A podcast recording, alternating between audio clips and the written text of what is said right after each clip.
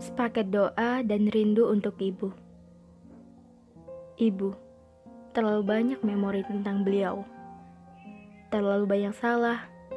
Terima kasih yang tidak akan ada habisnya.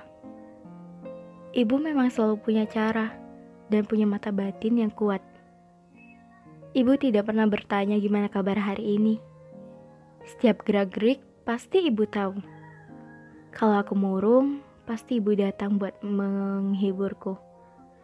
Kalau aku bingung, ibu akan menjadi peta yang menuntunku menuju arah tahu.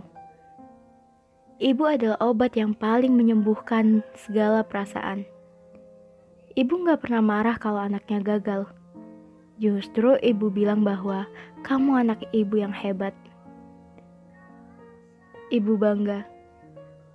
Bu, ketahuilah bahwa aku lebih bangga mempunyai ibu seperti ibu.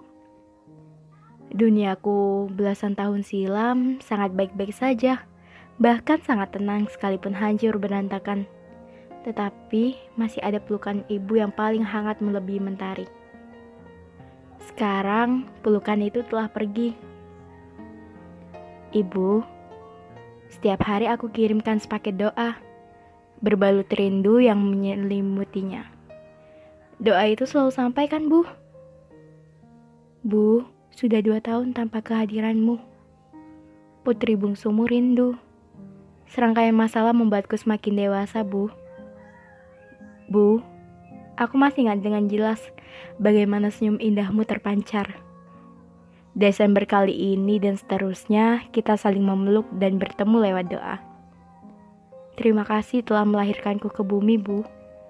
Sekalipun ibu telah pergi terlebih dahulu, doa itu akan selalu mengangkasa darah ibu mengalir di tubuhku. Begitu pula cinta ibu yang selalu memelukku setiap waktu. Tenang di sana ya bu. Allah akan menjaga ibu selalu. Kelak, semoga kita kembali bertemu dan mengabadi bersama dalam pelukan surga.